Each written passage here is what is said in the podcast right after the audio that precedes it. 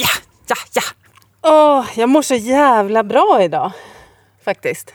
Tror jag det. Efter två glas bubbel ute på isen. Ja. Nej men jag känner, jag är så sjukt kär i livet just nu. Det är vår, vinter och sommaren är antågande och det är bara härligt. Och som sagt, idag har vi suttit... Jag har varit ledig och vi har suttit eh, ute på isen i solen och pimplat. Pimplat bubbel. ja, precis. Barnen pimplade fisk och vi Ja. pimplade bubbel. Ja, det var väldigt härligt. Ja, med släkt. Släkt och, och vänner, höll på att säga, men bara släkt. Mm, men de är ju släkt och vänner. Mm. Ja, och då är det ju lätt att känna sig på topp faktiskt. Ja, Vi tänkte att vi skulle prata om eh, välmående idag. Eller välbefinnande. Kärt barn har många namn. Mm. Lycka är kanske ett annat begrepp. Och Mm. lite kring ja, men hur man jagar det hela tiden. Och så försöka rota i vad, men vad är det då? Hur vet man när man mår bra? Och hur, hur ska man göra för att må bra? Och ska man må bra hela tiden? When your life's been put on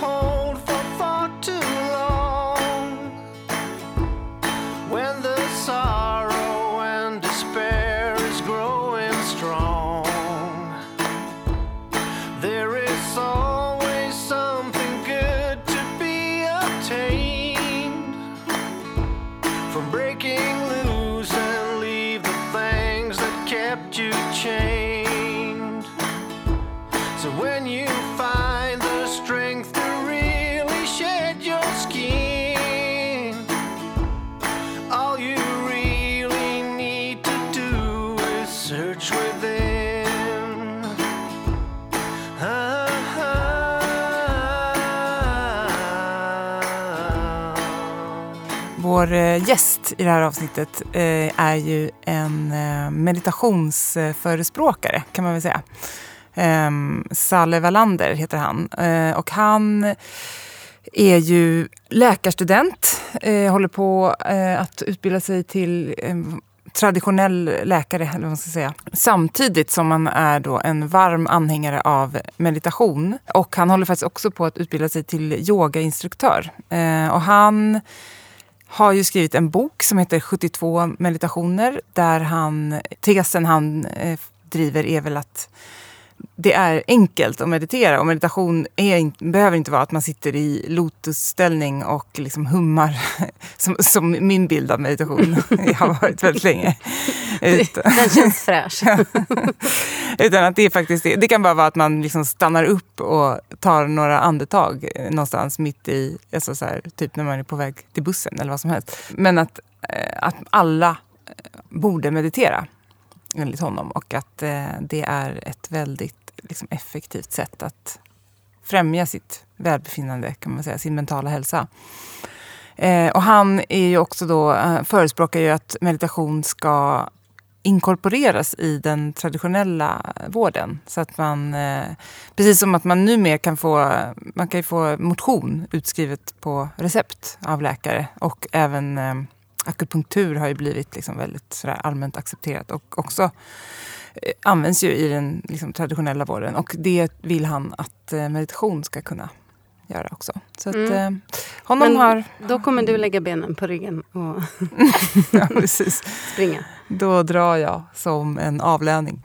Ja, nej, men jag är ju... ehm, jag vet ju inte riktigt vad det är, men jag har jättesvårt att ehm, ta till mig eh, den typen av övningar. Liksom. Alltså så här, allt, så här, avslappningsövningar, mindfulness, meditation. Jag tror liksom inte, jag vet inte, det känns inte som att jag har det i mig. Den här liksom självsuggereringen som ju ändå i någon eh, mån krävs, tror jag, för att man ska kunna gå in i det där. Liksom. Har, har du provat? Liksom, har du givit en riktig Mm. chans? Alltså, nej, jag skulle inte säga att jag har gett det en riktig chans, men jag har ju provat. Liksom, ja, meditation har jag väl kanske egentligen inte riktigt provat.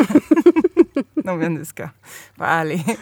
Men eh, däremot både mindfulness och såna avslappningsövningar och sånt har jag ju fått eh, Men jag har liksom aldrig riktigt... Det, det som händer är att jag eh, är så här... Nej, nej, nej, nej, nej. Och sen somnar jag typ. Som ett litet barn. Ja. Eh, ja, men i alla fall. Jag tror säkert att det är jättebra. Men det var just det som, det här som vi nämnde innan. Att om, om, om alla... Alltså om det finns eh, ska man säga, verktyg som funkar för alla.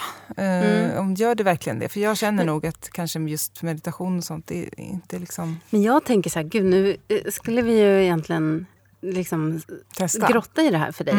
För att det låter som att det finns något motstånd som det är någon typ av försvar som kickar in. Eh, Precis, jag vet faktiskt inte vad det är. För jag, liksom, det är inte, jag menar, jag är inte emot det. Alltså, jag förstår att det är, är jättebra och jag vet ju att liksom, folk som håller på med det mår ju mycket bättre av det, säger de ju själva. Och liksom, det är ju det är såklart det är ett väldigt billigt och enkelt sätt att lära sig att liksom slappna av och eh, koppla bort omvärlden och liksom, ja, men så här, bara få någon slags harmoni tror jag.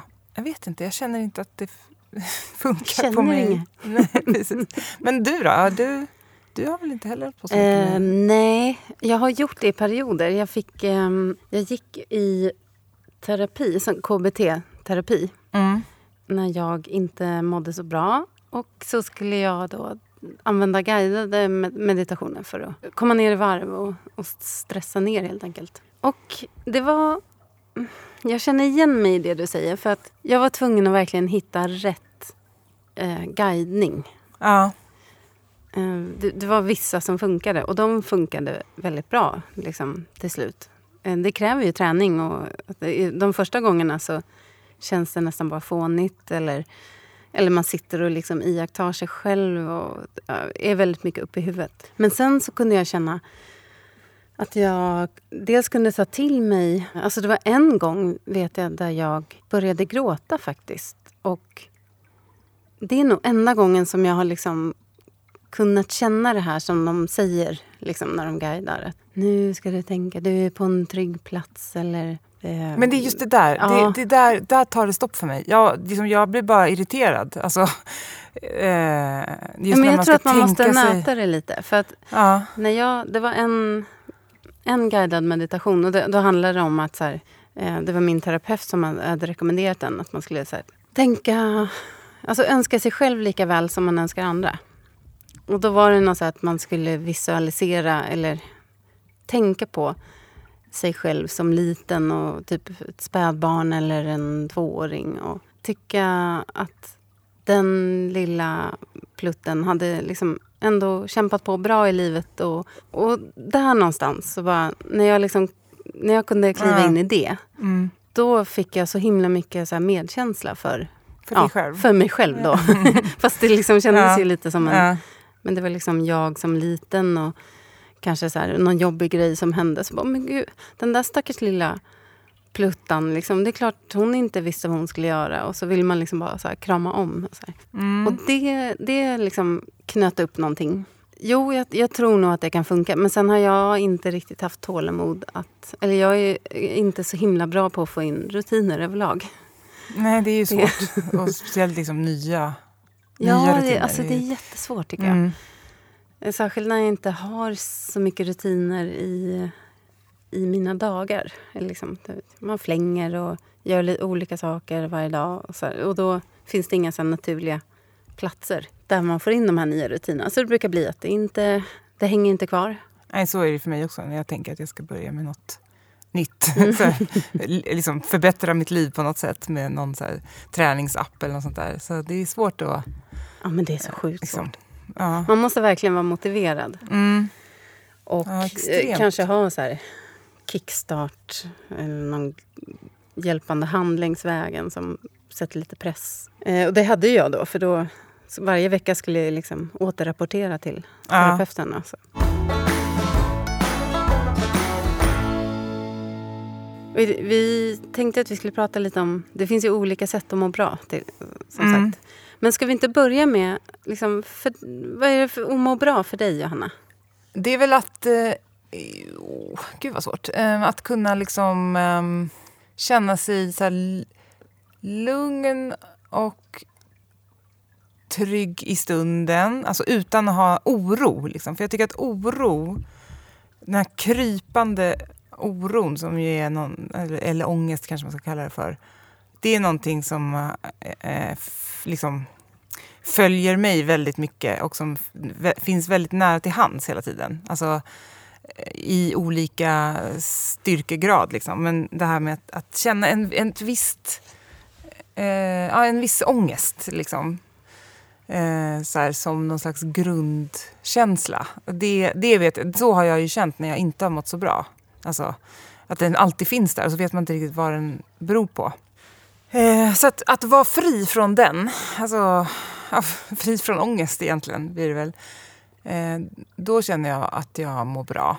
Jag har en, så här, en episod eh, som jag har tänkt tillbaka på väldigt mycket som var så här ögonöppnare för mig. Eh, det var faktiskt just en av de här gångerna när jag gick, eh, alltså, skulle behandla liksom, min huvudvärk och gick hos en, eh, liksom, skulle guida mig genom avslappningsövningar, en sjukgymnast.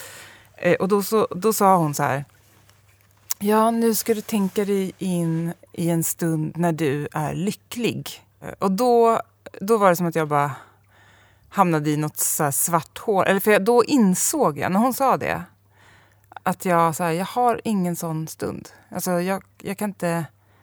Liksom, det finns ingen stund när jag är lycklig. Men vad hemskt. Eh, ja, det var faktiskt hemskt. Det var så här, för, och det var ju när barnen var ganska... Jag vet inte ens om jag hade fått båda barnen. Jag tror det kanske var när, när Dolly, min äldsta dotter, var kanske ett år eller något sånt där. Och liksom inte ens så här, när jag tänkte på liksom henne eller, så här, eller ja, Ola, min man. Eller så här, det var som att det låg ett filter över allt. Liksom. Ett så här, alltså jag kunde inte känna att jag har inte varit lycklig på jätte, jättelänge. Och det var så hemskt när jag insåg det. För jag hade väl inte riktigt stannat upp och reflekterat över det. Eh, men det var ju då, alltså det är eh, ganska många år sedan och då mådde jag ju, jag mådde ju inte bra fast jag hade inte, jag liksom slog väl ifrån mig Du det körde bara. på. Mm. Och sen nu, jag menar, nu har jag ju tagit tag i det på massa olika sätt och just genom, alltså ett, ett antidepressiva har ju varit en väldigt stor hjälp för mig. Men det där var så här, uh, liksom, så man måste ha stunder när man, även om man absolut inte känner sig lycklig hela tiden, så att man åtminstone har sådana stunder ibland när man faktiskt känner sig lycklig. Och sen att man inte har ångest. Det är nog de två Mm. grejerna som, gör, som jag tycker är så här, att må bra.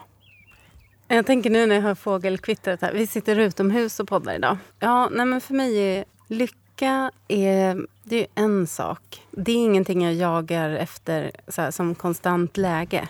Nej. För det är ju mer så här, eller för mig är det lite eufori och pirr och liksom förväntan och eh, ja, men lite mer så här speedat må bra-läge. Ja, precis. Man kanske inte ens... Alltså det kanske inte är så bra att vara lycklig för länge. För man blir ju... Eller jag tänker också på det så, som att man är lite... Man är inte riktigt sig själv. Nej, Och Nej för liksom- jag tänker mer att um, det jag liksom eftersträvar det är att vara tillfreds. Mm. Ja, men också mycket det där lugnet. För jag har också haft liksom, jättemycket oro och har det fortfarande ibland. Att, att det är liksom... Hur Mm, det kryper liksom, liksom, i kroppen. På något Saker sätt. växer och blir större än vad de borde vara. Of, ofta kopplat till prestation. Eh, så att det här lugnet och väldigt mycket är det tror jag att, att inte längta någon annanstans. Att så här, jag är så tillfreds. Det är ett sånt fint ord på engelska tycker jag. Content. Det är liksom det jag eftersträvar och det är därför jag har hållit på att pussla min vardag. För jag insåg också lite som du att jag tänkte nog att det är så här det ska vara. Det är så här det är att vara vuxen. Jag ska jobba med något som det kan vara kul ibland men egentligen vill man hellre vara ledig. Ehm, ledig är man inte så ofta utan det är helger och fem veckor om året ungefär. Och sen ehm, att det är mycket plikter. Så, ja, men, ja, bara kapitulera för det. Livet handlar om plikt. Liksom. Lite det här lutherska arvet. Mm. Det ska fan inte vara så jävla kul. Nej, liksom, vem har sagt att livet ska vara kul? Och, så, och, liksom, och det var när jag började så här, ifrågasätta allt det där som jag faktiskt insåg att jag inte hade så många element i min vardag som, som fick mig att må bra. Utan det, det var mycket så här, transportera sig igenom, ibland lida sig igenom. och sen så några, så här, några enstaka stunder av det jag ville göra. Eller det jag tyckte var jättekul. Nu skulle jag nog säga att mitt grundläge är att jag mår väldigt bra. Men sen finns det, finns det såklart saker eh, att jobba på och som kan tippa omkull mig snabbt. Och det tänkte vi också prata om. för det här. Att man, man siktar ofta på att det här får mig att må bra. Och det här är liksom, nu mår jag bra och jag, då ska jag göra mer av det här. Men sen finns det ju, man har ju liksom akilleshälar som bara kan så här, puff på ett ögonblick eller på väldigt kort tid rubba hela den där balansen. Och så bara, men jag som mådde så bra och var så stark, vad hände? Där tänker jag mer, så här, är det dem man ska jobba på? Att stärka upp dem för att inte bli Mm. så lätt omkullkastad. Jobba upp kårmusklerna. Ja, liksom. men typ. Själens kårmuskler. Mm. ja, precis. Att stärka um, beredskapen eller reservkraft. Ja, men liksom. buffert. Ja, Den där precis. liksom bufferten. Mm. Må bra-buffert. Jo, för så känner jag ju också mycket att, att, att det är väldigt så här skört och lättrubbat. Och, alltså mitt välbefinnande också. Och att eh, det krävs inte mycket för att man ska trilla ner. Liksom. Ja, det kanske man på något sätt kan aktivt eh, jobba för att liksom, ha ett, som ett immunförsvar. liksom. Vad är det som triggar dig då? Liksom, vad, vad puttar dig över kanten? Ja, jag tror vi är väl tyvärr båda två ganska prestations... Um, vi har en självkänsla kopplad till prestation mycket tror jag. Det, och det kan vara något väldigt litet bara, men någonting som eh, får mig att känna att jag inte har gjort alltså, någonting. Om det nu är ett, ett jobb eller liksom någonting i privatlivet. Men att, jag inte har, att någon inte tycker att jag har gjort det bra. Och det behöver inte ens vara verkligt. Utan det kan vara bara att jag får för mig det. Och det tror jag väl du också är. Att då går man och grubblar mycket för sig själv. Liksom, och bygger upp en massa konstiga Mm. scenarion och sådär. Som man då bekräftar själv. Liksom. Jag har ju vid ett tillfälle så eh, ville min dåvarande chef ha ett möte med mig. Och så bara, ah, ah, vi, skulle vilja, vi skulle behöva ha ett möte. Eller så. Och sen gick jag så här, jag nu är det kört. Liksom. Ja, jag kommer få sparken. Och jag var, jag var så övertygad. Eh, de tycker nog att jag eh, inte kan någonting. Liksom. Och sen kom jag in på det här mötet och liksom, hade typ legat sömnlös i fem dagar eller något. Och så säger han bara att, att han var jättenöjd med min insats och jag fick löneförhöjning. Mm. Istället för sparken. Och då hade jag Vilken bra med, människokännare. ja, verkligen. Och, bara så här, eh, och då hade jag till och med pratat med liksom, eh, ja, en av mina bästa kompisar. Bara så här, så hon hörde av sig bara, hur gick det? Så här, för att hon hade nästan börjat tro på det för att jag Ja. var så övertygad. Jag bara, eh, jo men det, det gick bra. Jag fick löneförhöjning. Och han var jättenöjd med mig. bara, eh, jaha? Ja. ja, men hur precis, då är det ju verkligen... För sånt där har jag också varit med om, just i jobbsammanhang. Att, eh, liksom, ja, men just att man, någon kanske så här, och det är väl oftast en chef då, som säger att man ska prata, liksom, så bara shit, nu Mm, jäklar. Nu jävlar. Ja, så, och bara, vad är det jag har gjort? Så bara, ja, jo men det är klart det där och där och där. Bara, "Eh, ja, nej, nu är det kört. Och sen så är det bara något helt annat, och, och, liksom, kanske något jättepositivt. Eller så här, liksom, ja. Och tänk hur mycket energi som har gått då. Om man har legat där med den där oron och gnisslat tänder hela natten. Liksom. Och så är det absolut ingenting. Det är Mm. bara helt i onödan. Mm. Alltså, jag tänker så här. Hur mycket skulle jag eller du kunna åstadkomma om all energi bara riktades på det faktiska? Ja, precis. Görandet. Konstruktiva och eh, ja, exakt, liksom, verkliga.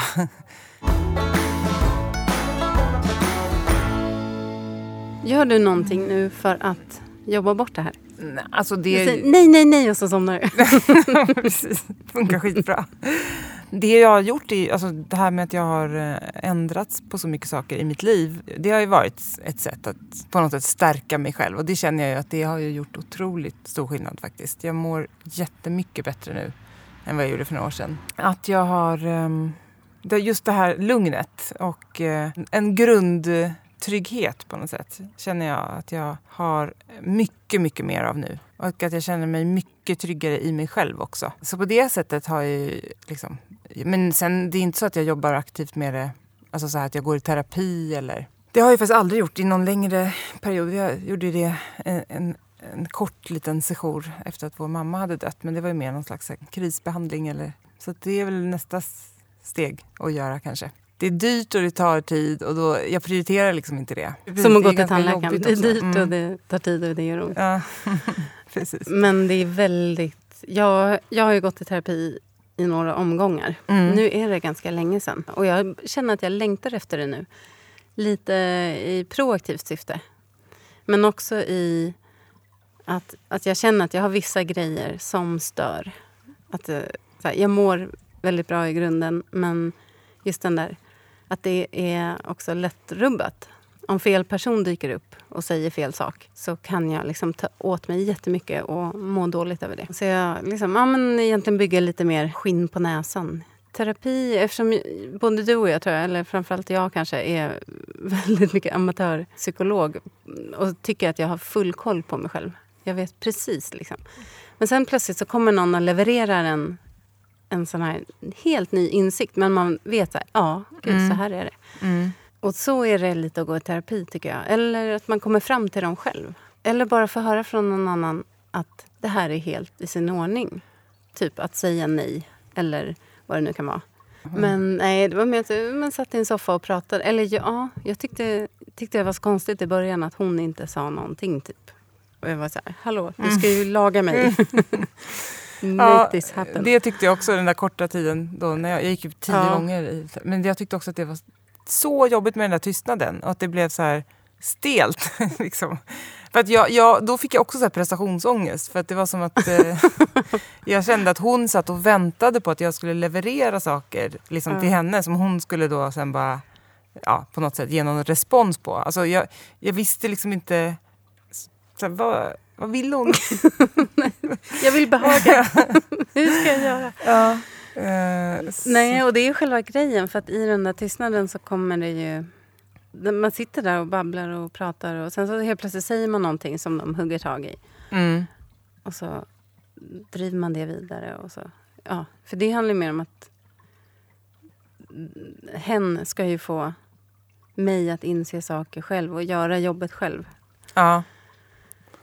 Och det är ju inte det där att om man går och blir fixad någonstans. Liksom, utan det är ju ett självarbete.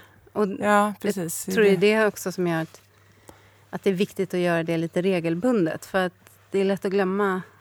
Och det är lite som med träning eller allt. Att det är svårt att pusha sig själv. Mm. behövs en PT. Ja. En psykoterapeut. ja, för det, det, det har jag också liksom undrat över, eller så funderat på lite. Men hur, eh, alltså vilken effekt det har att gå i terapi. Alltså för, liksom, alla som men du har ser gjort ju. det. Ja. det, är det. Det är därför jag undrar. Ja, här, här Eh, sitter svaret. Nej men liksom, alltså, men det är väl svårt att mäta det också antar jag. För att man vet ju inte hur det hade varit annars. Alltså, Alltså, jag tänker att ja. det är svårt att liksom, eh, kvantifiera eh, och så här, verkligen på något sätt vetenskapligt kanske mäta resultaten av att Men undrar om inte den stora behållningen är att, att reflektera över sitt eget beteende, sitt eget mående och vad man möjligen kan behöva ändra på. Mm. Jo men det jag undrar är just så, det som du var inne lite på, det här med de här insikterna man får. Mm. Eh, och kanske om man då eh, på något sätt får hjälp att hitta nya tankemönster och sätt att så här, Mm. ja, ta sig an olika saker. Om det liksom håller i sig ehm, eller om det är så att man gör, man gör det. eh, Alltså det är typ som när man tänker att man ska börja äta nyttigt. Ja, alltså det. det handlar ju om hur mycket man jobbar med det själv. Ja. Och eh, håller fast vid det. Och det är därför jag också tror att det är bra att gå regelbundet. Alltså, men att man kanske, om det är vart tredje år eller vart femte år, men att du kör en sväng och liksom bara... För Mm. det är också, jag kunde ju få uppgifter till nästa vecka. Nu ska du träna på det här den här veckan. Och då blir det väldigt medvetet. Så här, ja, ja, nu kom det en sån här situation. Så bara, nu ska jag göra det här. Och det kommer jag ihåg att mitt, eh, min dåvarande pojkvän, han var ju så här lite småorolig varje gång jag kom från terapin. För då, Ja, Kunde då, så här- kunde det bli jobbigt för honom. ja, så, så, antingen att jag var arg på honom för att vi hade pratat om något i relationen. Liksom. Ja, vet du, det här är faktiskt fel. Så, nej, men, eller, eller så att jag bara liksom blev så här, började göra nya konstiga saker eller ställa nya krav. Eller, Mm. liksom. Nej, men det, det, det är ett bra sätt tycker jag. Ett annat sätt är ju att mata sig själv med sånt man mår bra av. Mm. Det kräver ju också lite reflektion, för det är inte alltid mm, en har full koll på det. Nej, precis. För det är också en, en sak som är intressant att eh, fundera över. Så här, liksom, hur vet man att man mår bra? Och hur Mm. vet man liksom, vad som är tillräckligt bra? Alltså, är det Ja. så här att man alltid kan eftersträva att må ännu lite bättre? Eller ska man vara nöjd när man känner att det är helt okej? Eller Jag tror, liksom, jag tror själva definitionen av att må bra är att att inte, man inte här, ska vilja inte, hasta vidare? ja, eller jaga. att, inte vara nöjd. Nej. Nej, men liksom, för det kan ju faktiskt vara Eller lite- börja pro- problematisera. Nej, mår jag verkligen bra? ja. Men det är liksom ändå intressant tycker jag. För det är så här, Ja, det är klart. eh, det, ibland så tänker jag så att så här, det är svårt att veta. jag, jag eh, har ju varit, eller nämnt det också förut i podden och så. Men för mig eh, så är ju eh, hästarna och stallet och också Leo, alltså vår hund. Ja, men- Ja, alltså, återigen, det här med att vara, liksom, vara med djur eh, är väldigt terapeutiskt för mig.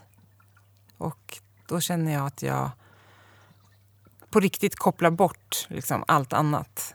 Eh, ja, nej, men det är jätteskönt. Och jag, liksom, jag menar, när jag åker till stallet då är jag där i fyra, fem timmar.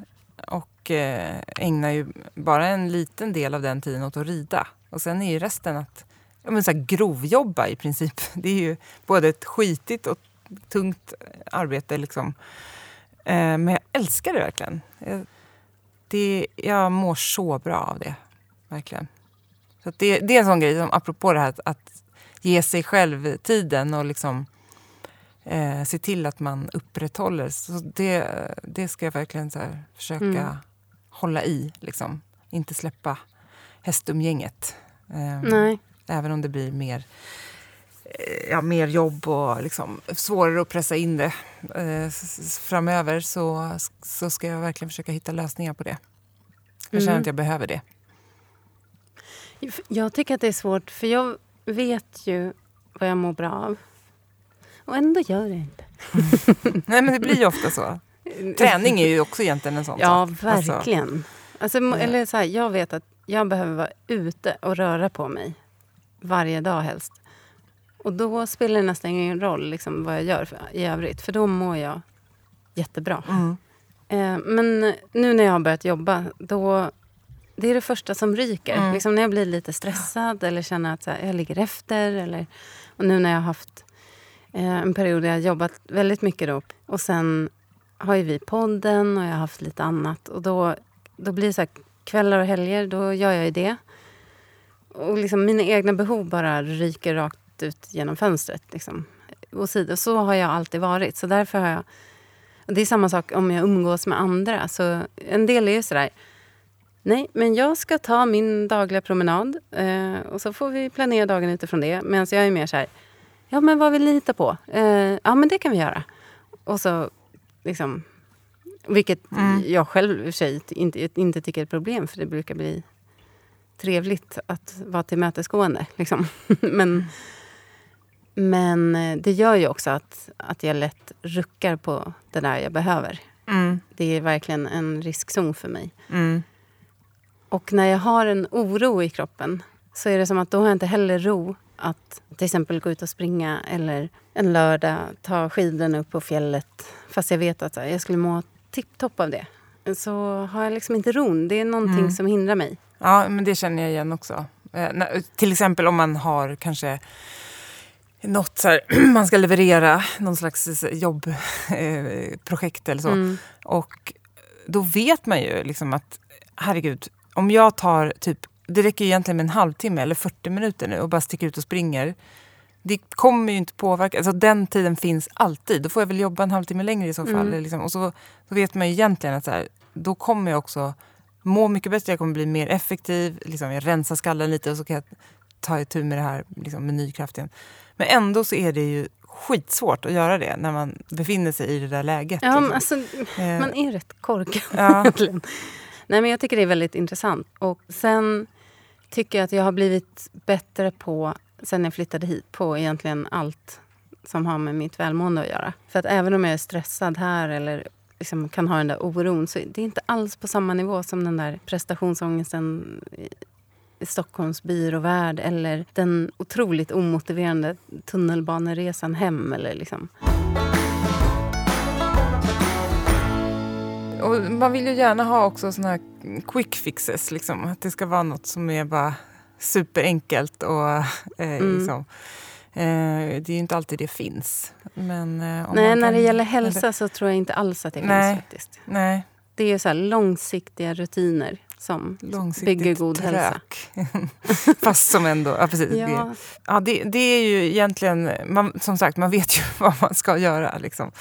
Eh, det är bara det att det är så otroligt lätt att. Och just det där att tänka att... Okej, ja men... Eh, just idag så känns det ändå lite kört. Det, det känner mig lite stressad. Men Mm. imorgon så ska jag mm, sticka ut på den här joggingturen. Eller typ laga den här maten från grunden som... som jag såg på Instagram att man skulle göra. Ja, precis. Mm.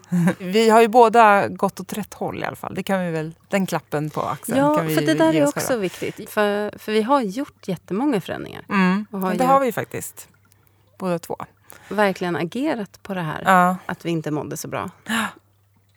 Och nu mår vi mycket bättre. Så Ja. någonting rätt har vi gjort ja, längs vägen. det har vi ju. Verkligen. Ja, det är lätt att glömma bort det faktiskt. Det är ju det att man hela tiden strävar efter perfektion. Liksom. Hur Jag skulle vilja avrunda det här eh, må bra-snacket med... Vad, är- vad är din eh, nästa grej att jobba på? Nu är jag fulländad. Mm. Så att jag ska bara luta mig tillbaka nu och förvalta min perfektion. Mm, men vi är ju inga Eh, förvaltare, du och jag. Nej, precis. Nej, skoja. Vet du vad du ska säga? kan du börja? Ja, jag har ju faktiskt gått och tänkt på någonting det senaste året. Och det handlar om att våga öppna upp känslomässigt mer Mm. i relationer.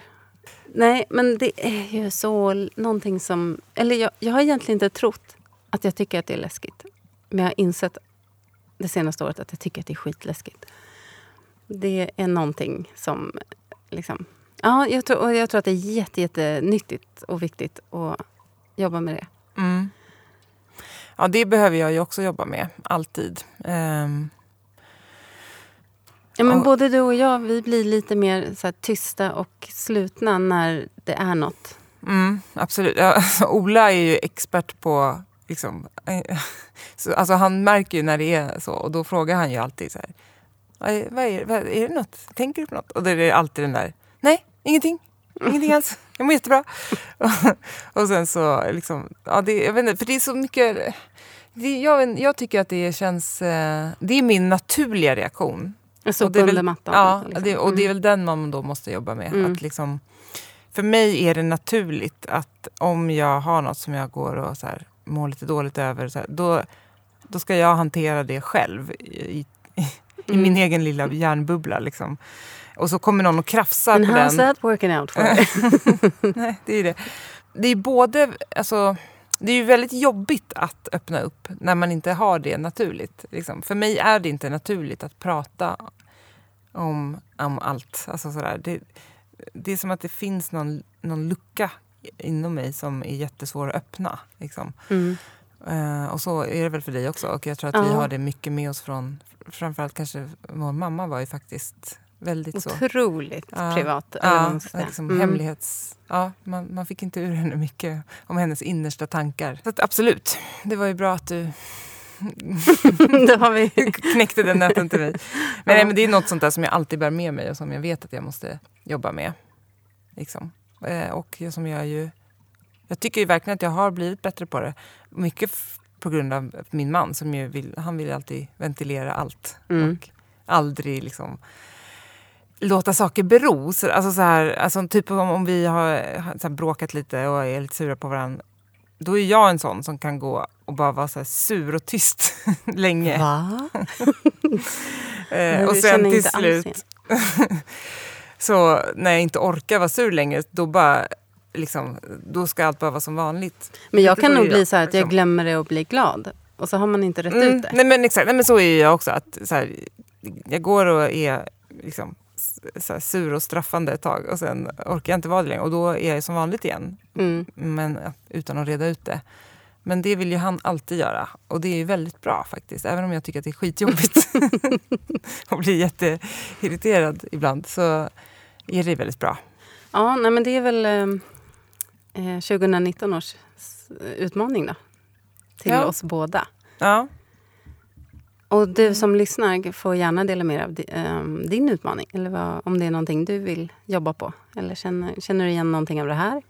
Jag kan tänka mig att vi kanske inte är helt ensamma om just Nej. det här att vilja skydda sig från... Det är det här, eh, om man går tillbaka och lyssnar på avsnittet om sårbarhet som är ett riktigt Mm. jäkla bra avsnitt, mm, tycker jag. verkligen. Eh, Det är det där, sårbarheten. Det Ja. är den som är så läskig tror jag. Precis, man riskar ju grejer när Mm. man, eh, när man liksom blottar sig. Usch ja. ja, precis. Man, det är obehagligt att bara tänka på det. ja, men man eh, kan också vinna väldigt mycket. Men tänk om man inte gör det. Tänk om man bara blir sårad och blottad. Och så. jo, precis. Det är just det man riskar. Liksom. Mm. Ja, men vad är bra med det då? Nej, just då är det inte så bra. Men sen nästa gång, då kanske man ändå drar hem den där vinsten. Liksom. Mm. Det är väl så. okej Och det, jag tror att det är som... Eh, alltså, där, om man inte riskerar något så kan man inte heller vinna något. en sån härlig gammal klyscha som man faktiskt eh, kan Jo, ta men av. det, jag tror, Det eller framförallt så tror jag att det, det är svårt att ha riktigt nära relationer om man inte... Nej, precis. öppnar det blir ju inte liksom på in någon. Jag har ju liksom ibland tendenser till det här... Ja, men du vet, man bara, jag ska flytta in i en stuga i skogen och inte ha med mänskligheten att göra. Liksom. Mm. I vissa mörka dagar. Men det är ju... Liksom, ensam är ju inte stark. Nej. Alltså, och just där tror jag att det är superviktigt att faktiskt kunna öppna upp och be om hjälp när det är jobbigt och när man mår dåligt. Och det, det är ju livsavgörande. Mm. Det kan vara liksom direkt skadligt att stänga andra ute.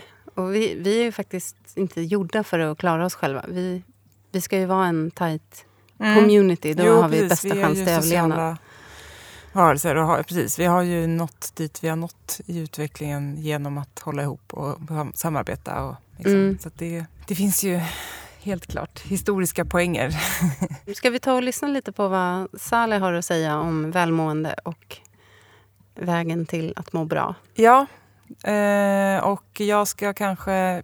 Du kanske Ge- ska lyssna lite extra? Ja, Mm. precis. Jag tänker det. Och faktiskt eh, någon gång eh, testa på riktigt. Ge meditationen en, en ny chans. Jag Mm. kanske har nått till det stadiet i mitt liv där jag är beredd att göra det. Vad spännande. Ja, vi ser hur det går. Häng med så får ni se.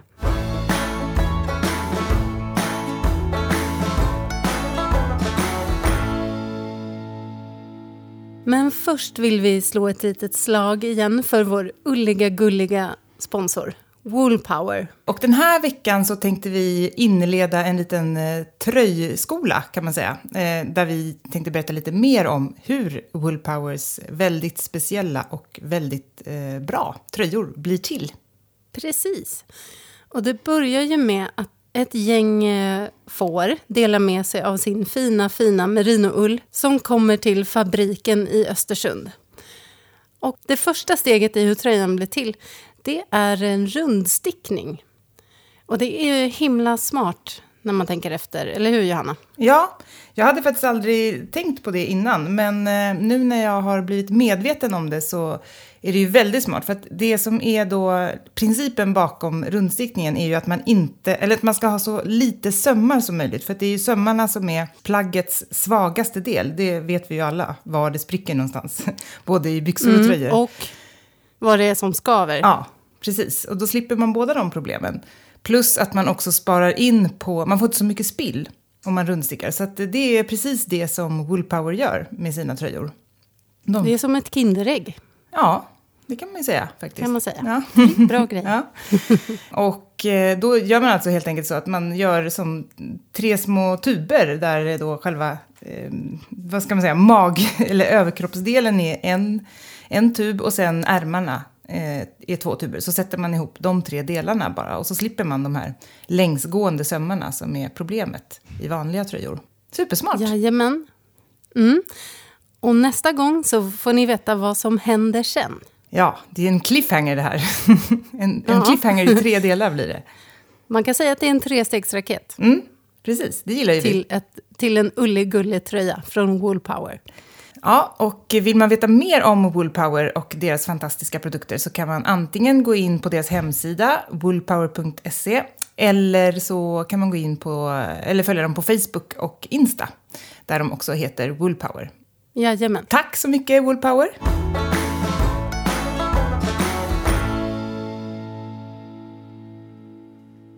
Då rullar det. Mhm. Ehm, och då säger jag hej och välkommen till dig, Salle Hej, Wallander. hallå. Hej! Eh, vad kul att du ville komma och gästa oss. Ja, det är Ehm. jättekul att vara här. Och eh, vi har ju inte, vi är bara, det är bara halva ekorrstyrkan som är med idag. Okej, Eftersom eh, Katta är sjuk tyvärr. Så Ja, att, eh, nu okej. får jag försöka sköta det här på egen hand. Ja, jag tror att ja. det ska gå bra. det gör det nog. Ehm, och eh, du hörde av dig till oss eh, och berättade att du har skrivit en bok som handlar om eh, meditation. Ja, just det. Eh, och du är också läkarstudent. Du har liksom ett, ett ben i den traditionella läkarvetenskapen och i den mer alternativa Precis, ja. vad ska man säga, världen. Och det tyckte vi lät väldigt spännande. Och du Ja. skrev också till oss att du har någon slags eh, plan att försöka införa meditation, alltså inkorporera det mer just Ja. i den traditionella läkarvetenskapen. ja just det. Ehm, Mm, och det låter En- väldigt spännande. Jo, en fullgången manifesterad plan har det ännu inte blivit. Nej. Men eh, det, det är min förhoppning i alla fall. Det är min eh, ambition. Mm. Att kunna på något sätt ehm, hitta ett sätt att kombinera mitt läkaryrke med min passion för personlig utveckling och meditation och yoga. Mm. Ja, det låter ju väldigt spännande. Mm. Eh, men jag tänkte att vi kanske ska börja lite med så här traditionellt som vi brukar göra. Ja. Att du bara berättar lite om vem du är och hur du liksom har kommit hit där du är idag. Det hela började kan man säga när jag var på min eh, sjätte termin på läkarprogrammet. Och jag, jag nådde en plats inom mig själv där jag kände att livet och tillvaron hade blivit ganska meningslös. Jag, jag förstod inte längre vad jag ville med mitt liv. Jag kände mig inte hemma um, där jag var där, där och då i mina studier. Jag hade just börjat den praktiska delen av min utbildning. Jag minns att jag stod där i korridorerna på sjukhuset eh, klädd i mina vita läkarkläder. Och, och alla andra var så entusiastiska av att ja, snart är vi läkare, halvvägs och sådär. Men jag delar inte deras känsla.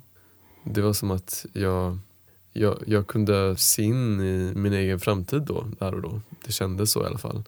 Att eh, jag, jag kommer inte bli glad, jag kommer inte vara nöjd om mitt liv endast består av att arbeta som en läkare på ett sjukhus med de eh, uppgifterna eller, eller med, med, med, de, eh, med de sakerna som jag såg att de gjorde på sjukhuset.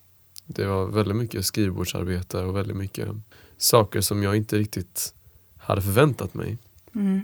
Alltså det kändes liksom som att eh, det inte bara handlade om att liksom rädda människor utan att det var en massa annat runt omkring också. Som, Ja, precis. Ja. Eller det, det, det handlar ju givetvis om att, eh, om, om att förbättra folks hälsa. Det, det, det är ju såklart syftet. Men sen så börjar jag ifrågasätta om vi verkligen gjorde det som, som, som läkare. Eller in, inom den ramen som vi arbetade inom. Var, var det verkligen så att de här behandlingsmetoderna som vi gjorde är, är, är, är de baserade på sanning? Är vi säkra på att det funkar? Där, där hamnar jag utanför ekorrhjulet kan man säga. ja. Ja. Men var det liksom någon speciell händelse eller så som utlöste det här? Eller det var bara att du mm, liksom successivt hamnade i det? Ja, det var, det, det var nog successivt. Och det, Mm. det, det var hela den här attityden, den här stressen som var på sjukhuset. Alltså, när, in, från termin 1 till termin 5 så um, var det den teoretiska delen av utbildningen. Så då, då, då innebar det att vi bara vi var inte riktigt i kontakt med verkligheten, medicinverkligheten. Vi bara satt och studerade från våra böcker. Och sen så tenterades vi i det. Och så, så man, jag hade inte riktigt kontakt med hur det såg ut i verkligheten och då hade jag inte riktigt ja, jag hade inte möjlighet att kontemplera över det. Men eh, sen när jag kom ut och så såg jag hur hetsigt och stressigt det var. Och eh, även eh, undervisningsattityden förändrades. Så att um, vi, vi skulle bara gå igenom allting snabbt. Ja, nu ska vi lära oss om hjärtat och nu ska vi lära oss om lungorna. Och så det, det, hela var ingen, kändes inte som en utbildning, det kändes snarare som en genomgång. Mm. Så här får ni de viktigaste punkterna. Här får ni de här läkemedlen som vi förväntar oss att ni ska skriva ut. Och så, um, och, och, och, och det är det. Så det fanns inte riktigt utrymme för att vi skulle ifrågasätta någonting. Eller på något sätt komma med något autentiskt genuint från oss själva. Sen så insåg jag samtidigt att, att det kanske är för mycket att förvänta sig av att men, vi, vi, kan ju inte gå igenom hela utbildningen och samtidigt, det här är ju inte gamla Aten där vi sitter och diskuterar över allting. Så då hamnade jag i en inre konflikt kan man säga. Jag visste inte mm. vad jag ville. Så kanske får jag ifrågasätta mitt studieval. Liksom, vill jag verkligen bli läkare på riktigt? Eller är det någonting som jag har fått för mig att jag vill? Men var det så att du liksom alltid hade velat bli läkare och att det alltså, så här, fanns förväntningar hemifrån och sådär? Eller liksom, hur, hur djupt grundad var den? Min, eh, mitt, mitt studieval? Ja, precis. På, på en nivå så kändes det som rätt val när jag blev accepterad mm. in i läkarprogrammet. Och jag är ju väldigt intresserad av biologi och jag, jag vill gärna jobba med människor. Och min ursprungliga tanke var att jag skulle bli forskare och då kan man ju börja då kan man ju studera som läkare och sen kan man bli forskare efter ett par år. Um, så det kändes som det självklara valet där och då. Men sen så insåg jag att jag ville inte göra forskning och sen så blev det bara att jag fortsatte studera till läkare utan att riktigt reflektera eh, över varför. Och... Mm. Det är klart, det är ju också mm. Eller jag kan tänka mig att liksom, har man väl ja. så här, blivit antagen till läkarlinjen och liksom, ja. alltså, det, är så här, det är inte, kanske inte ett jättelätt beslut att hoppa av heller eftersom det är så, så där. Det pratas ju väldigt mycket om hur otroligt svårt det är att komma in. Och liksom, jo, det, det, är ju ganska prestigefyllt också. Och så där. Precis, alltså, ja. Jo men det, det, det, har jag ju stött på ganska mycket. Det, mm. märkte jag när vi började och så träffade vi varandra, alla nya läkarstudenter. Och så märkte jag ganska tydligt att det fanns många som inte riktigt ville plugga till läkare. Men de hade haft så pass bra betyg. Ja just det, så de kunde de, komma in. Liksom. Att de kände sig tvungna helt enkelt. Och, och det är en, en sån här, vad ska jag kalla det, lögn som samhället matar in i en. Att, att, eller inte lögn men du förstår vad jag menar. Mm, att det är liksom på något sätt... En sån eh, prestigegrej. Ja, precis. Att Ett, egentligen... En för, förväntning att mm. uh, du, du är du är bara så pass mycket värd som den titeln du har. Och, och jag minns att äh, första dagen på läkarprogrammet så var det någon som gav oss en föreläsning om hur bra status det är i samhället att vara en läkare. Ah, okay. Och, och, och, där, där visar de någon sorts lista på att ja, högst status har en ambassadör och mm. efter det kommer läkare och sen eh, i slutet av den listan så var det diskar eller någonting. Och, och där kände jag redan då att, men, ja. va? Är det, ja, det är ju ganska äckligt ja, faktiskt. Ja. Det är vi som är eliten. Liksom. Ja precis, det mm. Lite elitistisk känsla. Ja. När det egentligen handlar om raka motsatsen, att hjälpa människor.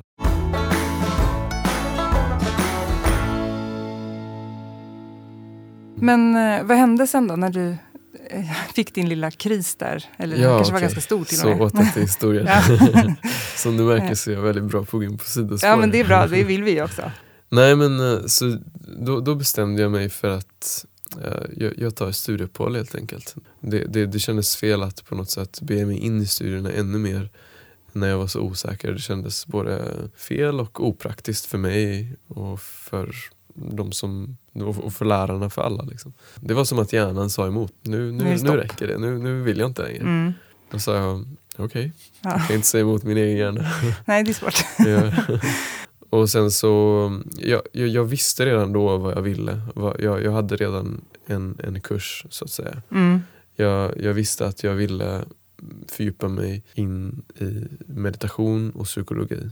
Jag hade läst mycket om det innan och hade mediterat innan och förstod konceptet med det. Men det var inte förrän nu som jag kände att det är nu det gäller. Du kände liksom att det var det som var nyckeln på något sätt till att du skulle må bättre? Eller? Ja, precis. För att det, det, det, det var ju min huvud, mitt huvudproblem där och då, att jag inte mådde bra. Ja. Mm. Jag, jag, jag insåg att jag behövde gå in i mig själv och åtgärda problemet från var det började. Att dra, dra upp ogräset från roten. Eh, men hade du, för du sa att du hade mediterat och ehm, liksom haft intresse för det här Ja. mer alltså, inåtblickande tidigare också. Ja, Hur kommer det sig då? Alltså, för det är, inte, alls alla som hamnar på det spåret heller. ja just det. Jag vet inte. Jag, jag är inte säker på att jag kan förklara det. Det är bara en sån känsla. Mm. En intuition av att detta är sant. Detta är rätt. Hur kom du i kontakt med meditation då, för första gången? Liksom? Det var i gymnasiet. Jag Mm. hade en väldigt trevlig yogalärare. På, alltså, hade ni yoga på gymnasiet på, Ja, som undervisning? Eller? Inte undervisning men sån här lite extra Aha, eh, okej. sak Det som man kunde göra. lyxigt. Ja, ja. Så det var där jag blev intresserad till det. Och sen så de första åren på universitetet så eh, gick jag på några föreläsningar och blev en, ännu, ännu mer nyfiken på det. det. Det klingar så bra överens med allting som man har lärt sig tidigare. Eh, till exempel att eh, sann förändring kommer inifrån. Mm. Det är ett ordspråk som vi hör alla. Och vi säger till oss själva och vi säger till varandra. Men, men, men det är som att vi inte riktigt tar det på allvar ändå. Nej, och det är också lite av liksom en, en klyscha, eller vad man säger. Eller så här, det är sånt som man har hört så mycket så att det är bara, Ja. till slut så saknar det liksom Precis. betydelse. Ja, det- faktumet att det, det har blivit ett, en, en klyscha Ja. gör att vi bortser ifrån det Ja, automatiskt. exakt. Att det ju faktiskt nog är sant. Men liksom- Precis, det, det där är bara något, något, något fint som man läser Mm. på en almanacka men Mm. inte något mer än så. Men när, när jag sen blev introducerad till meditation och det verkligen gav ett praktiskt verktyg för att tillämpa denna verklighet som alla pratar om så kändes det bara logiskt. Mm. Att, ja men det är självklart att det är det här som är svaret. Eh, men och då, du begav, jag har ju läst på lite. du begav dig ut och reste runt på massa olika platser Ja, i världen då. precis. Ja. Och gick olika meditationskurser och sådär. Ja, så det, hur, hur det- fortlöpte sen efter det var att jag, jag, jag, jag bodde fortfarande i Sverige Mm. men eh, jag, jag letade upp olika meditationskurser runt om i världen som jag ville göra. Både meditation och terapi. Vad blev liksom det viktigaste som du tog med dig då sen från den här både inre och eh, rent fysiska resan som du gjorde? Det viktigaste var själva meditationen i sig som redskap och som tillstånd. Och Okej, det här låter luddigt men jag ska förklara. Så me- meditation, så som jag, eh, jag, jag upptäckte att det var, till skillnad från vad jag trodde innan. Innan trodde jag att meditation var att sitta stilla i lotusposition, Mm. sträckt rygg, slutna ögon och inte tänka någonting. Det är ångestfyllt bara när man tänker på det. Men till min stora glädje så, så var det inte det, är inte det som meditation handlar om. Meditation handlar om en inre process och som går parallellt och hand i hand med vårt vardagliga och praktiska liv. Så ja, absolut. Meditation kan se ut på det sättet att man sitter ner, slutna ögon, ser harmonisk ut. Men man kan också meditera medan man, är, medan man stressar och är på väg till jobbet. Bara man iakttar och accepterar det som man iakttar i sig själv. Mm. Så meditation är att du kommer närmare din egen upplevelse av dig själv. Din, din, din egen upplevelse, vad, vad, vad är det? Om, om, jag, om jag frågar dig nu, vad, vad, vad, vad är en upplevelse? Alltså, ja, hur ska man liksom eh, definiera det? Alltså, det är ju en, någonting som man, eh, som man upplever, jag säga. Nej, men nå, ja, Ja. något som händer. Det är något som händer inom dig, eller hur? Ja, Ja. det är det ju. För mina upplevelser är ju aldrig någon annans. Precis. Såklart. Alltså, så är det ju med allting. Och, och vad är det som uppstår inom dig? Ja, då uppstår det ju känslor och Exakt. tankar. Mm. Tankar och känslor och kroppssensationer. Och det är ju bara de tre som egentligen uppstår. Och, och alla upplevelser som vi har är en kombination av de här tre Mm. på olika sätt. Så meditation handlar om att observera och iaktta den aktiviteten som sker i vårt inre. Iaktta alla tankar, känslor och kroppssensationer. Det är det första steget. Och sen nästa steg är att acceptera dem när de uppkommer. Ja, okej. Men alltså jag tänker så här, om man till exempel blir jätte, jätte arg och eh, Ja. så här vill slå någon, Ja. då måste man inte försöka avvärja det då? Det, det, man får hitta en balans. Grejen är att det är mycket större sannolikhet än att du kommer slå den personen om du försöker trycka ner din ilska. Ja. För att den ilskan som du trycker ner, du kanske inte slår personen första gången. Men den ilskan som du trycker ner, den kommer komma tillbaka och tillbaka och tillbaka och med större kraft varje gång. Och till sist kommer du inte kunna hejda din im- impuls av att bara attackera den här störiga personen som Mm. har orsakat dig ditt obehag. Eh, I meditation så ska man inte utagera. Det handlar bara om att stanna i känslan och att vara närvarande i den och att acceptera den.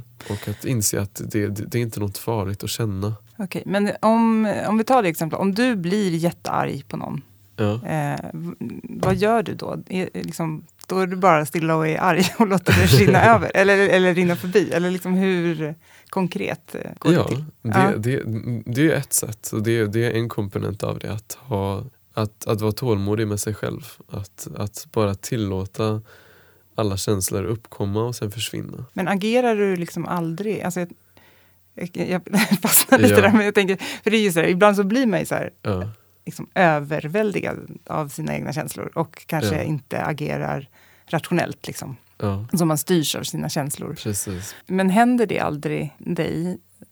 Jo det, jo, det är klart det händer. Ja. Och, och där finns ju olika teorier och olika skolor inom meditation vad man borde göra. Mm. Vissa säger att man borde utagera, man borde rensa ut. Andra säger att det är bättre att stanna i den. Men jag skulle säga en kombination av båda och att det inte finns någon en, en riktlinje för alla utan alla är unika och alla måste ta hänsyn till sin, sin egen eh, unika personlighetsmönster när de observerar sig själv. Så meditation handlar om att eh, komma närmare din egen upplevelse och också att lära dig om dig själv, att komma närmare dina egna mönster. Och då förstår du vad som funkar för dig, vad som inte funkar för dig. Så meditation kan se annorlunda ut för mig och för dig. För mig kan meditation vara mer en mental process av intellektuell iakttagande. Och för dig kan det kanske vara att stanna i dina känslor och att acceptera dina känslor. För en tredje person kan det vara att, um, att vara närvarande i kroppen. Eller för en fjärde person kan det vara mer att lyssna på alla ljud och, och sinnesintryck som uppkommer i nuet. Så det finns så många olika vägar.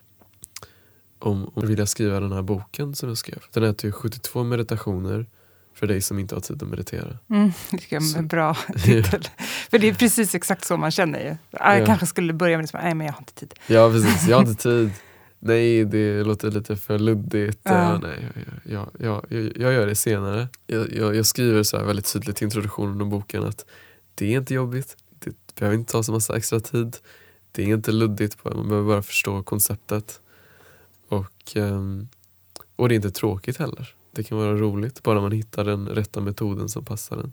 72 meditationer var det jag tyckte var, var lämpligt att ha med i boken och då valde jag ut eh, metoder som jag tyckte passade bra för vardagsstressade människor i det moderna samhället. Och du har själv liksom testat alla de metoderna? Ja.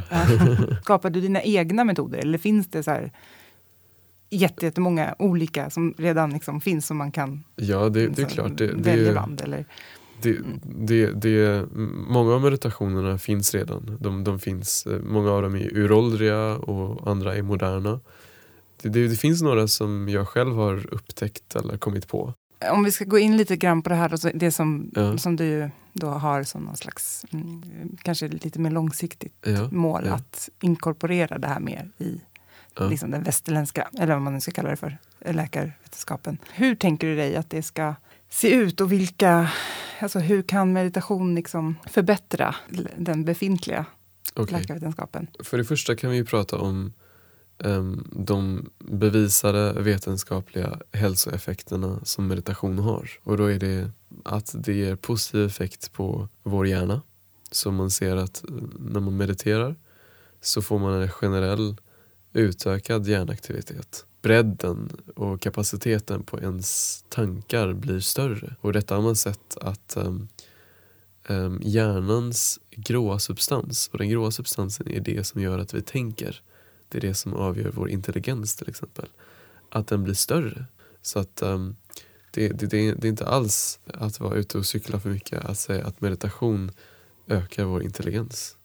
Det är ett ganska bevisat faktum numera. Sen så har det även positiva effekter på vårt uh, mående, vårt psykiska mående. Så det minskar stress och ångest och depression uh, väldigt märkbart. Sen så har det även en antiinflammatorisk effekt på kroppen. Och det betyder att den generella inflammationen som vi har i kroppen som kan vara till följd av olika saker, till exempel stress eller dåliga matvanor och så vidare. Ehm, meditation dämpar den inflammationen. Det, det är antiinflammatoriskt. Och det blir ju väldigt relevant i sammanhang där det är just inflammation i kroppen som ger upphov till olika sjukdomar.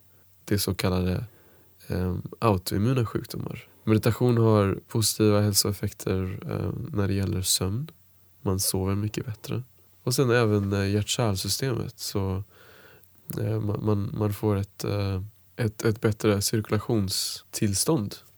Man, man har mindre risk för stroke, hjärtinfarkt och så vidare. Ja, hur kan det komma sig då, att man får bättre cirkulation? Liksom? Är det för att man får så här upp hela... Mm. Så det, det, det är ju liksom, alla de här olika effekterna, mm. de är inte separata från varandra. Nej. Så att när, när, man, när man blir mindre stressad så är det ju självklart att man också minskar risken för stroke och hjärtinfarkt. Mm. Och så vidare. Och sen så att när, när man mediterar så får man även bättre hälsovanor mm. generellt. Man börjar mm. äta bättre för att man börjar lyssna till sin egen kropp. Man börjar känna av vilka vilka maträtter är det som, som, jag, som jag mår bra av och vilka är det som gör att jag inte mår bra. Och så börjar man aktivt förändra sina val. Ja, för det var faktiskt en ja. fråga som jag tänkte också att jag skulle ställa till dig. Att ja. Om hela den här liksom, processen också har lett till att du har gjort andra stora förändringar i ditt liv. Till exempel att bli mer medveten om vad du äter och ja, kanske det, hela det här med att minska konsumtionen. Och liksom, för det känns som att det ganska ofta går hand i hand. Det, det går ju hand i hand, absolut. Därför att det, det som man upplever inom sig reflekterar man också i sitt vardagliga liv. Jo, men eh, kosten specifikt har jag börjat lägga märke till väldigt mycket, vad jag äter. Inte minst för att upprätthålla min meditationsövning um, så bra som möjligt. Och Då behöver man se upp för att man inte äter fel saker så att kroppen inte blir för tung och för lat. Okej, okay, så man ska in, ja. inte äta för mycket liksom, så feta såser och kolhydrater och sånt? Eller? Mm, ja, alltså, i, I meditationstraditionen, i, i yogatraditionerna så har man ju eh, sagt att kött är dåligt. Så därför har man eh, förespråkat eh, veganism eller ve, att vara vegetarian. Jag, jag, jag, tror personligen att man inte ska ta dessa råd bokstavligt utan man ska ta allting med en nypa salt.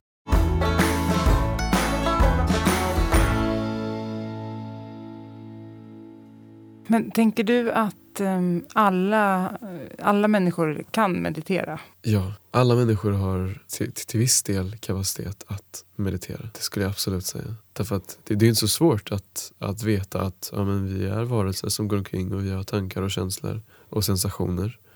Det är oftast inte en fråga om förmåga utan det är en äh, fråga om vilja. Det är inte alla som är redo att göra det. Det är inte alla som vill göra det. Eh, dels på grund av felaktiga föreställningar om meditation.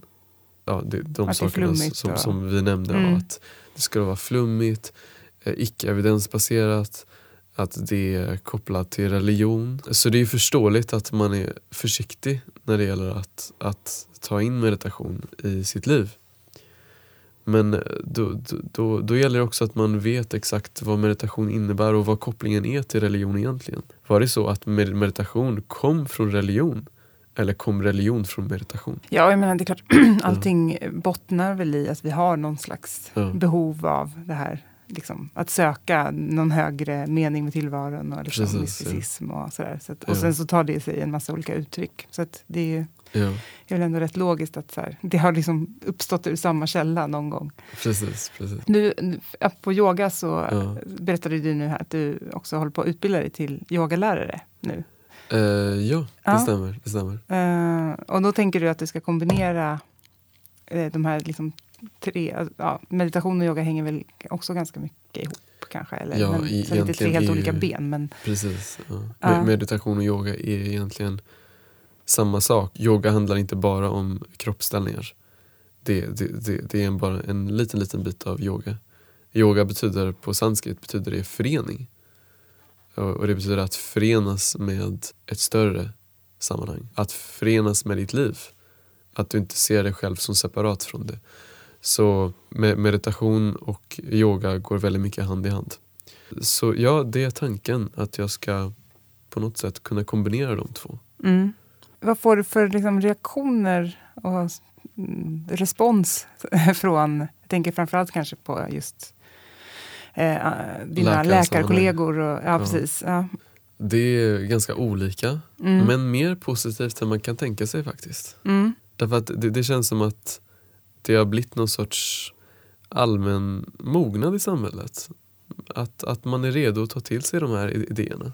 Just sådär alternativa behandlingsmetoder kanske man är lite skeptisk mot. Men just meditation så tar man emot det med öppna armar mer än de andra sakerna just för att eh, vi har inte så bra alternativ för det. För att de, de, det, det som vi gör idag inom psykisk ohälsa, inom psykiatrin, det, det är inte så värst evidensbaserat det heller. Nej. Eller eh, jo, det, det, det, det är till och med mindre evidensbaserat än meditation. Det, det, det är väldigt mycket det här om att se ett, att behandla psykiska sjukdomar. Att, att, att se dem utifrån de yttre symptomen Mm. som personen uppvisar.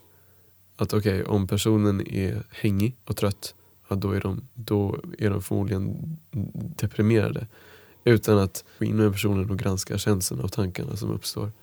Just det, att man liksom behandlar själva Precis, det som ja. har Att behandla liksom, symptom. Ja, att behandla precis. symptom. Och, Ja. det, och det är ju inte alls något det, det, det, det, är ju någonting som, som, som är ett övergripande motiv inom den medicinska världen skulle jag säga. Att i, i, det, det, det handlar väldigt mycket om att behandla symptom. In, Mm. Inte bara inom psykiatrin eh, utan inom, inom alla områden av, av de medicinska specialiteterna.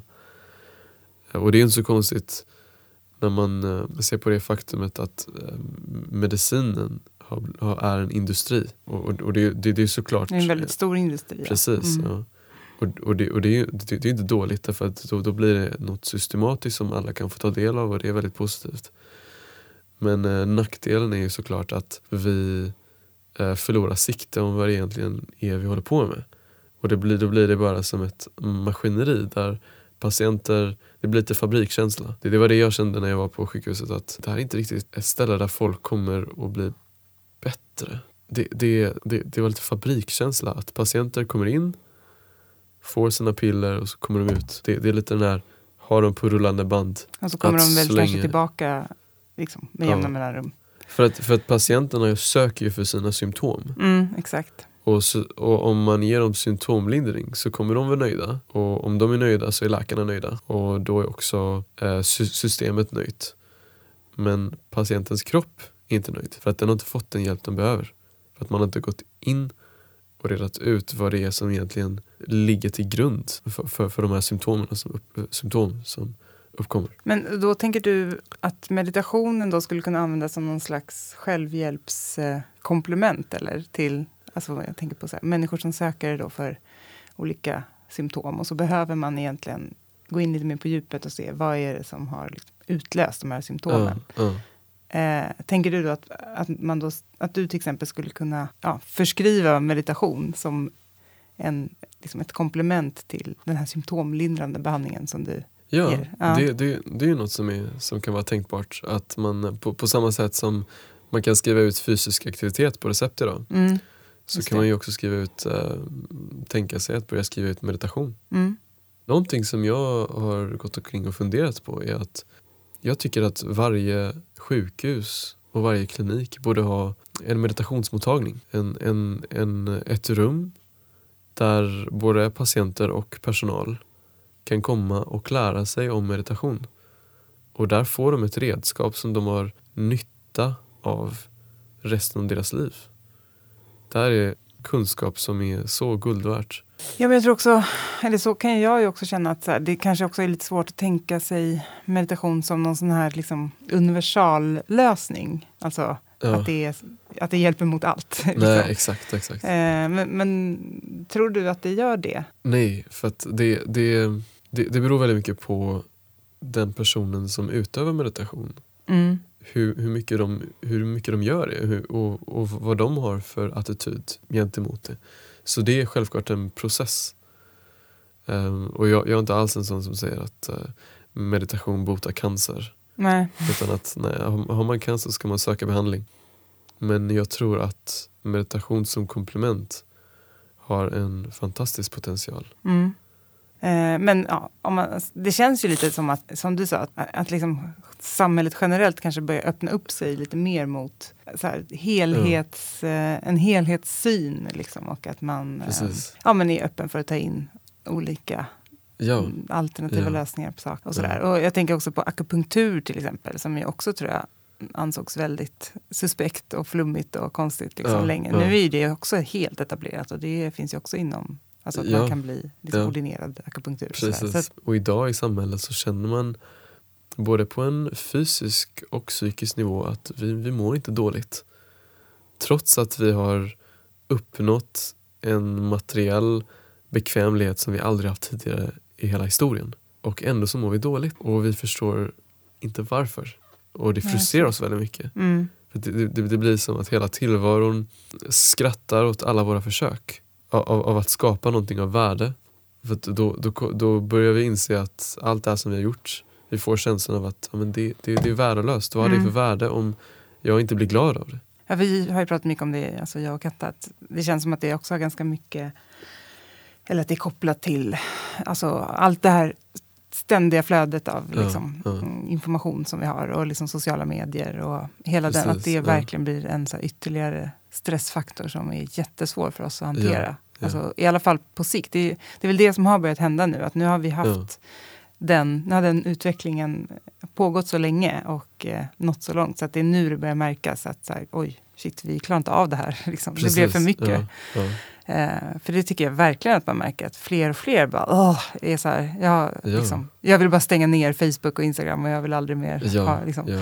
sociala medier i mitt liv. Just det. Just, det. Det, Eh. det, just sociala medier är så, ett sånt intressant fenomen tycker jag. Ja, Därför att vi, vi har, hela vår umgängeskrets har gått från att vara något fysiskt, att här sitter vi tillsammans och samtalar öga mot öga, till att bara bli kommentarsfält och, och, och, status ehm, och, och bilder Mm. som man ska lajka och likes.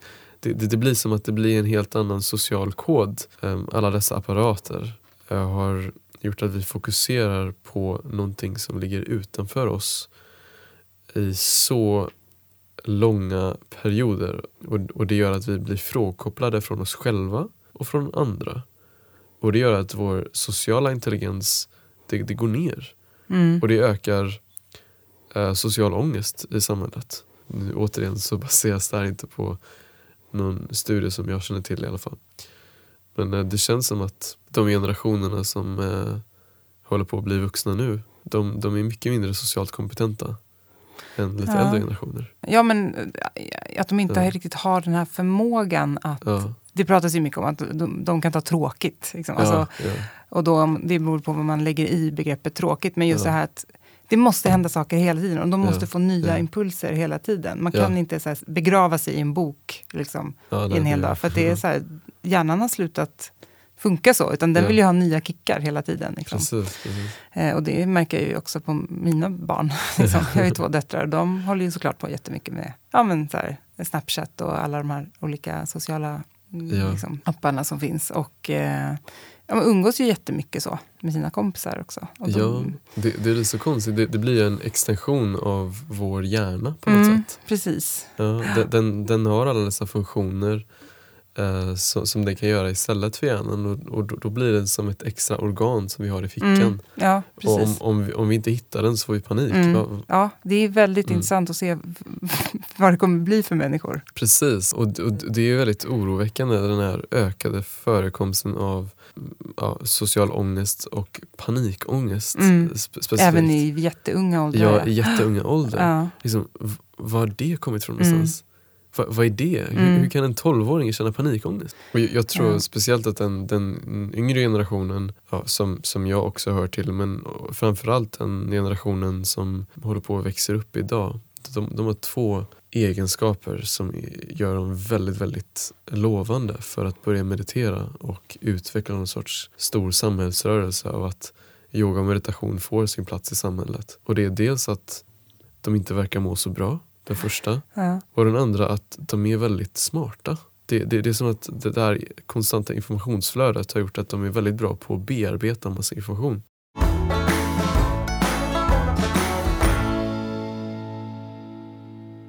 Ja, men det, det var väl ändå en bra, en, vad ska man säga, en liten mer positiv eh, riktning som du ser där då, om, om du tycker att det finns, eh, Jag- alltså att, jag att meditation liksom kan hjälpa den unga generationen från undergång. nästan. Ja, nej men jag, jag, jag tror definitivt att jag, jag, jag ser något positivt, att det utvecklas i en positiv riktning. Eh, så det, så det, det, det krävs ju att man på något sätt når botten innan man börjar kravla sig upp. Men eh, om vi skulle avsluta lite med, om du, om du skulle försöka ge, jag tänker på folk som lyssnar på oss, så Ja, det är ja. säkert en del som eh, redan har varit, kommit i kontakt med meditation och liksom, eh, kanske använder sig av det. Men för de som inte har gjort det och som eh, kanske som jag då har känt att ah, det är säkert bra, men jag, det där, jag, jag orkar inte jag har inte riktigt tid att börja gräva i det där liksom, och sätta mig Ja, in i det och lära mig hur man gör och, och sådär.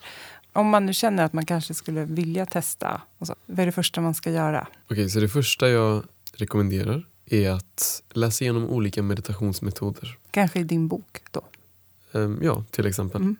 Men det behöver inte vara min bok, det kan, vara, det, det kan man hitta på internet också. Och eh, hitta något som funkar för just dig. Och när du känner att du instinktivt fastnar för en och du känner att ja, men den, här, den här känns bra, så håll, håll på med den. Och håll bara på med den tills du känner att, att du har fått så mycket effekt du kan få utav den. Och du behöver inte göra det i en viss tid för att få effekt. Till, till och med 30 sekunder eller en minut av, av, av närvaro. Där du kan göra det så, så kallade meditationspauser. Där du bara stoppar, pausar, upplever och sen så går du vidare med, med din dag. Det, det är också en, en, en liten minimeditation. Så allt är av värde. Mm. Och, och tro inte att det måste passas in i några specifika ramar av tid och plats och eh, håll, kroppshållning. Utan du, du kan meditera när som helst, var som helst och med vem som helst också. Nej, precis. Man måste liksom inte dedikera en viss... Eh, alltså så här att man, nu ska jag gå undan och sätta mig och meditera. Utan Nej, nej. man kan göra nej. det. Liksom. Ja, men det Nej. låter ju som en bra... Ja, Vad ska jag säga? Att det sänker tröskeln. liksom. ja, så, så Ja. nästa gång du sitter på bussen eller du, du bara sitter på jobbet och har ingen särskild uppgift att göra. Men ta, ta det som ett uh, gyllene tillfälle att, att eh, komma in i dig själv. Mm. Och att um, bli mer bekant med dig själv genom meditation. Mm. Får Det är alltid se det vad man hittar där inne. Ja.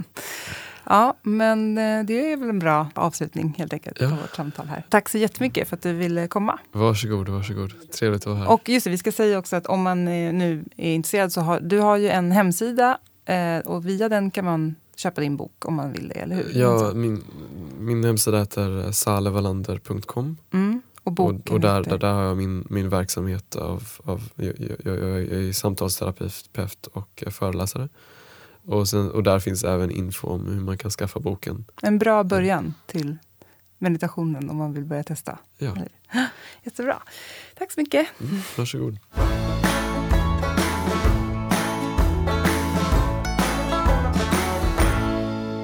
Ja, det var vårt lilla påskägg den här gången.